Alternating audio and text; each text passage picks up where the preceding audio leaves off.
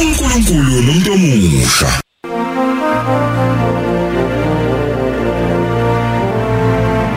Makubekini umusa nokuthula okuvela kuNkulunkulu Baba nasenkosini yethu uJesu uKristu. Amen. Ngiyabingelela balaleli bokhoze of M ekakhulukazi abantu abasha ohlelweni eqondene nabo. Ngiyabingelela kakhulu kubaphathi babantu abasha abaphathi babantu abasha emabandleni abaphathi babantu abasha eh kwizinhlaka ezikhandiwe ezengamele ukusebenza kwabantu abasha abakholwayo. Ngiyanibingelela kakhulu bafowethu emsebenzini wenkosi. Ngiyabingelela kakhulu izinceku zenkosi abefundisi kanye noma mfundisi abalalele ngalesi sikhathi. Ngiyabingelela kakhulu bonya wonhle eh ngibingeleleke abefundisi noma mfundisi ngiyabingela kakhulu ke eh, nonke bazalwane egameni lenkosi uJesu Kristu amen. Ngiyafunda ke abantu abasha ebusuku izwi lenkosi elilotshwe ngoJoshua isahluko samashumi amabili nane ivesi eleshumi nane kuze kube ivesi leshumi nesihlanu. Ngiphinde futhi ngifunde incwadi kaDeuteronomy isahluko samashumi amathathu ivesi eleshumi nesishagalolunye. Egameni lenkosi yethu uJesu Kristu lelizwi likaNkuluNkulu lifundeka ngokuthi uma kukubi emehlweni enu ukumkhonza usimakade khethani namuhla ukuthi ngubani niyakumkhonza noma uNkulunkulu abakhonzayo oyihle bese ngaphesheya kumfula noma uNkulunkulu bama-Amori enihlala ezweni labo kepha mina nendlu yami ngiyakumkhonza usimakade. Manje yesabani usimakade nimkhonze ngobuqotho nangeqiniso? Nisuse onkulunkulu ababakhonzayo oyihlo phesheya komfula naseGibhithe nimkhonze usimakade. Uma kukubi emehlweni enu kumkhonza usimakade khethani namuhla ukuthi ngubani niyakumkhonza noma onkulunkulu ababakhonzayo oyihlo bese ngaphesheya komfula noma onkulunkulu bama-Amori enihlala ezweni lawo. Kepha mina nendlu yami siyakumkhonza usimakade. Amen. uDeuteronomy 30 isahluko seshumi nesishagalolunye. Ngifakazisa namuhla izulu nomhlaba ngani. Ukuthi ngibeke phambi kwenu ukuphila nokufa. Isibusiso nesiqalekiso. Ngalokho khethani ukuphila ukuba niphile. Wena nenzalo yakho. Amen. Izwi lakho uNkulunkulu lingamandla kwasebethileyo izwi lakho lingukudla kwabalambileyo izwi lakho lingamanzi kwabomileyo izwi lakho likho konke kukho konke. Ingakho ethi Petro ngalo Nkosi masisuka kuwe singayapi ngoba amazwi okuphila londiwe nguwe. Sibusiseke ngalo manje ebusuku nabantu abasha egameni lenkosi yethu Jesu Kristu. Amen. Angikhulume nani ke bantu abasha ebusuku egameni kaYise nelendodana nelika moya ongcwele. Amen. Ngifisa nje ukuphawula kancane eh dadewethu uboniswa ukuthi sisesikhathini sokuphela konyaka isikhathi sokuphela konyaka isikhathi sokujabula isikhathi sokuphela konyaka isikhathi nje sokuthi eh nasemakhaya kube mnandi kujatshulela ukuthi unyaka uyaphela sizoqala unyaka omusha. Kodwa nje ngiyafisa abantu abasha ebusuku kusemnandi kusajatshule kunjalo kulungiselela ukuthi unyaka uyaphela sizoqala unyaka omusha. Ke senze lokhu engivama ukukwenza uma ngabe kuzophela unyaka ukuthi ke sibe nethuba lokuma noma ke sithi ukuma bese siyabuyekeza. Ngiyakholelwa ukuthi ngaphezulu kokujabula nangaphezulu kwezibili boco nangaphezulu kwezinto eziningi esifuna ukuzenza ukujabulela ukuphela konyaka kodwa ngaba silenzanga iqiniso uma ngabe singathi ukuma singabantu abasha bese siyabuyekeza ngempilo zethu. Amen. Mhlambe sizothi uma ngabe sima sibuyekeza sibuyekeze ngezinto ezenzekile onyakeni sibuyekeze nangezinto ezingenzekanga onyakeni. Sibuyekeze ngezinto esiphumelelile kuzo enyakeni. Sibuyekeze nangezinto esingaphumelelanga kuzo enyakeni. Sibuyekeze ngezinto ezisijabulisile enyakeni ngoba kuyiqiniso kukhona okusijabulisile kodwa futhi sibuyekeze nangezinto ezisikhalisile mhlawumbe futhi sizothi uma ngabuthula ubuyekeza ukhumbule ukuthi kokunye kwakho kukujabulisile nokunye kwakho kukukhalisile kukhona futhi okunye isolayo ngakho. Ukuthi mhlawumbe kube kuthiwa angikwenzanga ukuthi mhlawumbe kube kuthiwa angisithathanga lesasinyathelo mhlawumbe kube kuthiwa ngikwenzanga ukuthi mhlawumbe ngaba kunjena. Okunye masibuyekeza esikwenza unyakeni kusenza sisha isifuba ukuthi hayi sisebenzile eh kube kuhle konke. Kodwa futhi okunye uma ngabe sikubuyekeza kwenze konyakeni okunye kusenza sizisole okunye kusenza sibe namahloni ngathi nangempilo zethu qobo. Ngifisa ukuthi ngithi ke abantu abasha angazi ukuthi ukusiphi isimo umuntu omusha uma ulalele uma ngabe ngithi ake sibe nethuba lokuma bese siyabuyekeza. Mhlambe kulezi zinto engibalayo uyayithola ukuzo. Mhlambe wena ububhala umatibuletshen kulezi zinto engibalayo uyayithuka ukuzo. Mhlambe wena osebenzayo kulezi zinto engibalayo uyayithuka ukuzo. Mhlambe wena umuntu omuntu omusha sazama ukuhlanganisa impilo yakhe izinto engahlangani kulezi zinto engibalayo ezinye zazo uyayibona ukuzo. Kodwa ngifisa umuntu omusha uma sesibuyekezile ngengilethele inselelo. Ngifisa ukuthi nginike inselelo wonke umuntu omusha ukuthi ake jabule nje ngoba unyaka uphela mhlawumbe umunye uzothi mfundisi ngijabule kanjani ngawutholanga umsebenzi? Ngijabule kanjani imphumela ka matric ngingayazi ukuthi izoba kanjani ngijabule kanjani kwenzeke lokhu yana lokhu ngifuna mina umuntu omusha ujabulela ukuthi okungenani wena usekhona. Sijabulele nje ukuthi okungenani thina sisekhona okungenani nawe usekhona. Ngithini uma ngabe ngithi jabulela ukuthi nawe usekhona? Ingenxa yokuthi uma ngabe usekhona kusho ukuthi lisekhona ithemba la ngonyaka uzayo uma ngabe nje wena usekhona lisekhona ithemba la ngonyaka uzayo futhi ngiyafisa ukukhuluma nabantu abasha ikakhulukazi laba bebefunda nakakhulukazi laba bebenza ukuhlola kokuphela konyaka. Ungalokothi uma ngabe uzindla noma ubuyekeza okwenze konyakeni bese ungena esigabeni sokuthi ufise ngazathi impilo yakhe ngangababikho noma ufune ngathi ungangaba khona. Jabulela ukuthi usekhona ngoba uma ngabe wena usekhona kusho ukuthi lisekhona ithemba la ngonyaka uzayo ilokho bantu abasha ngifuna ukuthi sikwenze sizindle. Kodwa futhi kulesi sikhathi sokuphela konyaka ebandleni elikatholika kukhona isikhathi esikhulu esisigubhayo nengisithokozela kakhulu kuleli bandla engikhonza kulo ukuthi isikhathi seadvent. Isikhathi sokulungiselela ukuza noma isikhathi sokulinda ngokulangazelela ukuza kwenkosi yethu Jesu Kristu. Lesi sikhathi ke sibalekile ngiyafisa ukudlalela ngaso lamazwi amafishane engizowasho ngizwi sibalekile ngoba lesi sikhathi sigubha uJesu ezoba nathi elithizwe ngayo uzoba inkosi nathi.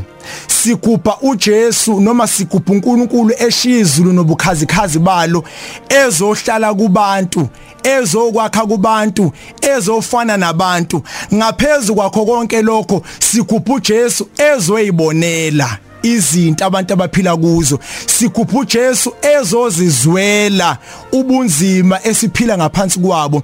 Sigubha uJesu ezoba ingxenye yezinto zonke abantu abavuka bebhekane nazo. Akhona amakhosi ayakhonzwa bakhona uNkulunkulu bayakhonza kodwa kibo bonke uNkulunkulu abakwazi ukuba sezingeni labantu bezozizwela. Ingakho uma ngabe uJesu uLazarus sekuthiwa usenuka nokunuka wavela wathi nimbekephi? Abachazayo bazama ukuchaza isimo sakhe wathi uJesu angibuzanga ukuthi isimo sakhe sinjani? Ngithena nimbekephi ukuze mina Jesu ngihambe ngiyibonela ngoba kulesi sikhathi sigubha inkosi iza izozibonela izoba nathi izohlala nathi. Lesi sikhathi ke selanywa esinye isikhathi esibalekile empilweni yebandla likatholika. Isikhathi lapho sigubha khona uJesu emingakithi ngephasika. uJesu ethatha uhlangothi labantu bethi beyizoni benjalo kodwa athatha uhlangothi labo.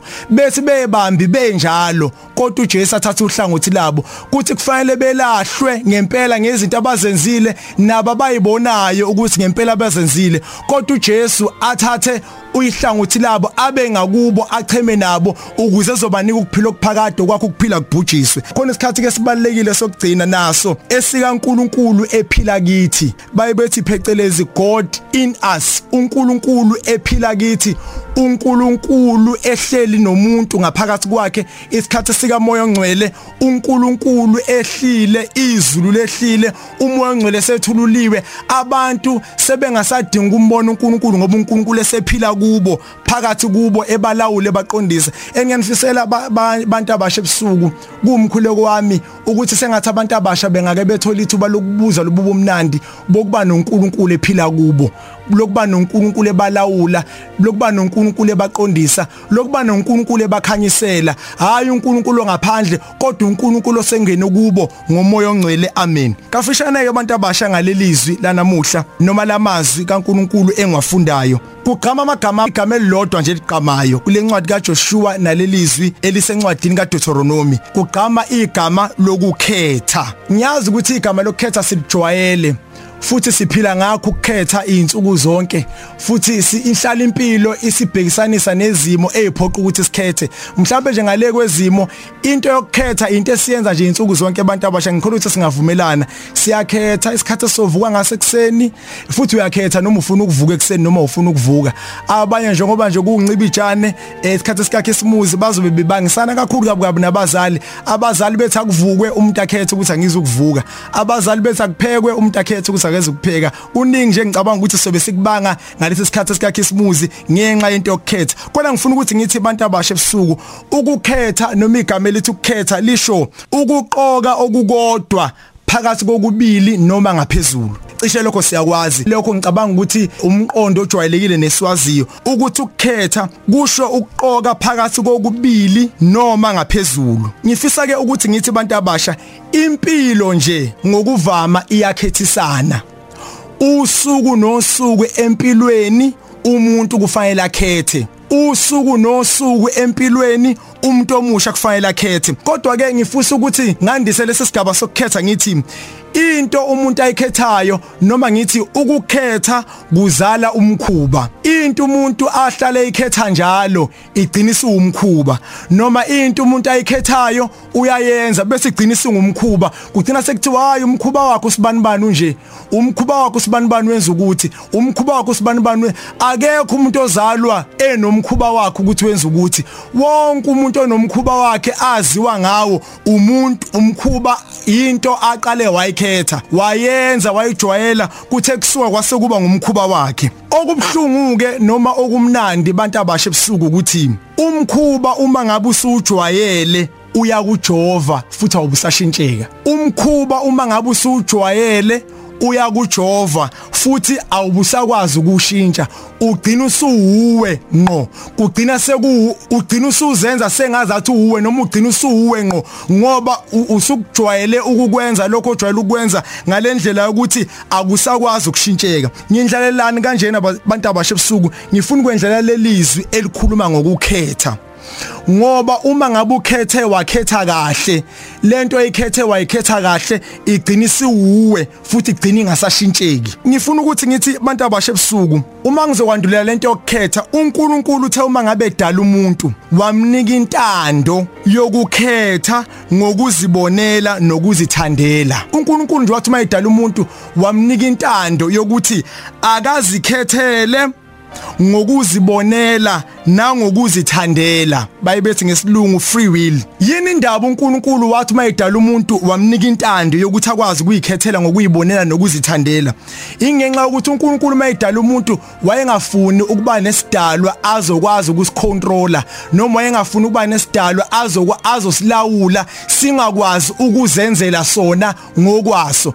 Ngoba uthe mayidala umuntu uNkulunkulu wamenza ngomfanekiso ukuze azomfuza. Wakholwa ukuthi lo muntu mayesemdalile uzokwazi ukuba umfanekiso wakhe futhi amfuze nangendlela enza ngayo. That is why uNkulunkulu abantu abasha ebusuku uthena uma ngabo Adam noEva embone eyongena esonweni ngoba uNkulunkulu wayibona. Eh abantu abasha ngiyafisa ukuthi ngisi uNkulunkulu wayibona ukuthi nansi inyoka ishumayeza uEva nangu Eva eseqala ukizwa lento eshiwo inyoka nangu Eva eseqala ukuyithanda lento eshiwo inyoka nangu noAdam eseqala ukizwa kangcono lento uEva mbuyela nayo ngaphezulu kwale uNkulunkulu ayishilo.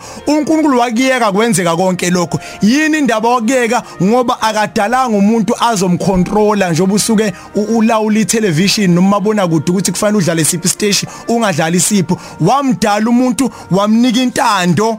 Yokuthi akwazi ukuyikhethela ngokuzibonela. Ingakho uNkulunkulu esiyeka abantu abasha esibona siyongena emaphutheni. Ingakho uNkulunkulu emiyeka umuntu omusha ebona kahle ukuthi lapha yakhona akeze ukubuye ethokozile. Ingakho uNkulunkulu emiyeka umuntu omusha azi kahle ukuthi uyabona njengoba evuka nje egeza uyabona njengoba egqoka uyabona njengoba eqamba manga nje ukuphuma ekhaya ukuze izomukeleka lento yakhe yokuphuma. Lapha yakhona uzobuye sebuya no Sunday school still uNkulunkulu athule nje amiyeke umuntu ahambe. Hayi ngoba engamthatha engakuthandi ingenxa ukuthi kuye umuntu wayifake intando yokuthi akwazi ukuyikhethela ngokuzibonela nangokuzithandela. Ngabuza omunye umfundisi eseketheni lakwethu eh sikhuluma ngendaba yesono ngithi uNkulunkulu kwakwenze njani? Kwakufanele kube khona iplan azama ukuyenza eh yokuthi abantu bengangeni esonweni? Wathi cha uNkulunkulu akafunanga ukudala umuntu azomlawula yena esezulwini. Ufuna ukudala umuntu ozokwazi ukuyilawula ngento ayifake kuye okwesibili ke bazalwane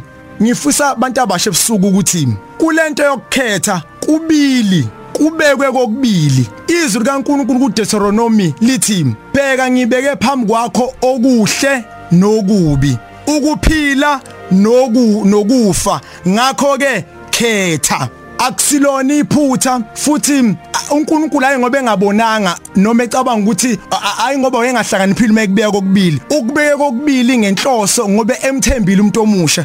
Ukubeka kokubili ngenhloso ngoba emthembile umuntu amdalile ukuthi uzokwazi ukukhetha. Bantu abasha ebusuku ngifisa ukuthi ngithi kubili khona okuhle khona okubi. Kukhona ukuphila kukhona ukufa. Ngakho umuntu omusha kufanele akhethe. Akeze ukukhethelwa umzali akeze ukukhethelwa eh abefundisi akeze ukukhethelwa ibandla. Kufanele akwazi umuntu omusha ukuzikhethela. Kubekwe kokubili. Nangesikhathi sikancibijane bantu abasha kubili khona okuhle khona okubi. Okunye sokhetha ngalesikhathi sikancibijane uma kuqala unyaka sizoyisola ngakho kodwa okunye sokhetha njengoba kuphela isikhathi unyaka uma kuqala unyaka sizobe sijabule ngakho kodwa kubili okubekiwe. Manje ke omunye uzothi ke ayimfundisi uma ngabe kokubili ke kubekiwe kufanele ngikhethe manje ngenze njani? Ngifuna ukuthi ngisimuntu omusha yiba yigovu ngempilo yakho. Umuntu omusha yiba yigovu ngempilo yakho. Khetha okuzosiza impilo yakho. Siphila esikhathini sezinto eziningi ezibonakala zizinhle nezibonakala zizizizizi abantu abasha bengathanda ukuba ingxenye yazo. Ezinye zazo zilethwa incindezi yoza kwethu lokho abathi peer pressure. Kuningi okubekiwe phambi kwabantu kuningi nokuzobe kuyincindezi kufanele sikhethe phakathi kwakho njengoba ku December kuyisikhathi sikancibijana ngifuna ukuthi ngithi umuntu omusha abantu abasha bazokwazi ukusinda nabantu abasha bazokwazi ukuphumelela nabantu abasha abazongayisoli ukuthi babe abantu abasha bazokhetha ukuba ngamagovu ngempilo zabo bakhethe kuphela lokho okuzokwazi ukusindisa ukuphila kwabo.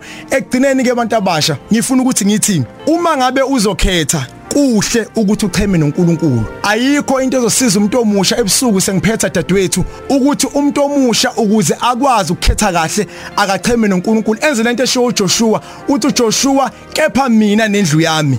Ngizomkhonza uNkulunkulu ngoba ukumkhonza uNkulunkulu abantu abasha yinto umuntu omusha ayikhethayo. Ngiyafisa sekungenile dadewethu ukuthi ukukhonza uNkulunkulu nokukholwa kube ngazathi into ephelwe istyle noma kube ngathi into engasekho emfashinini.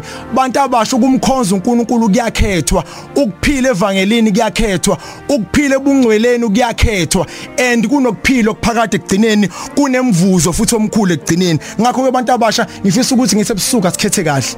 Kulekhasi kancibijana sikhethe kahle. Ukuze nangonyaka ozayo sizokwazi ukuqala unyaka ombuzayo sikhethe kahle. Ukuthula kaNkuluNkulu okudlula ukuqonda konke magcine kulondoloza ukuphila kwenu enkosini uJesu Kristu. Bese kuthi sibusiso sikaNkuluNkulu umthathwe munye uyise ndodana nomoya ongcwele sehlele phezukwenu sihlale nani njalo phakade. Amen. uNkulunkulu nomuntu omusha.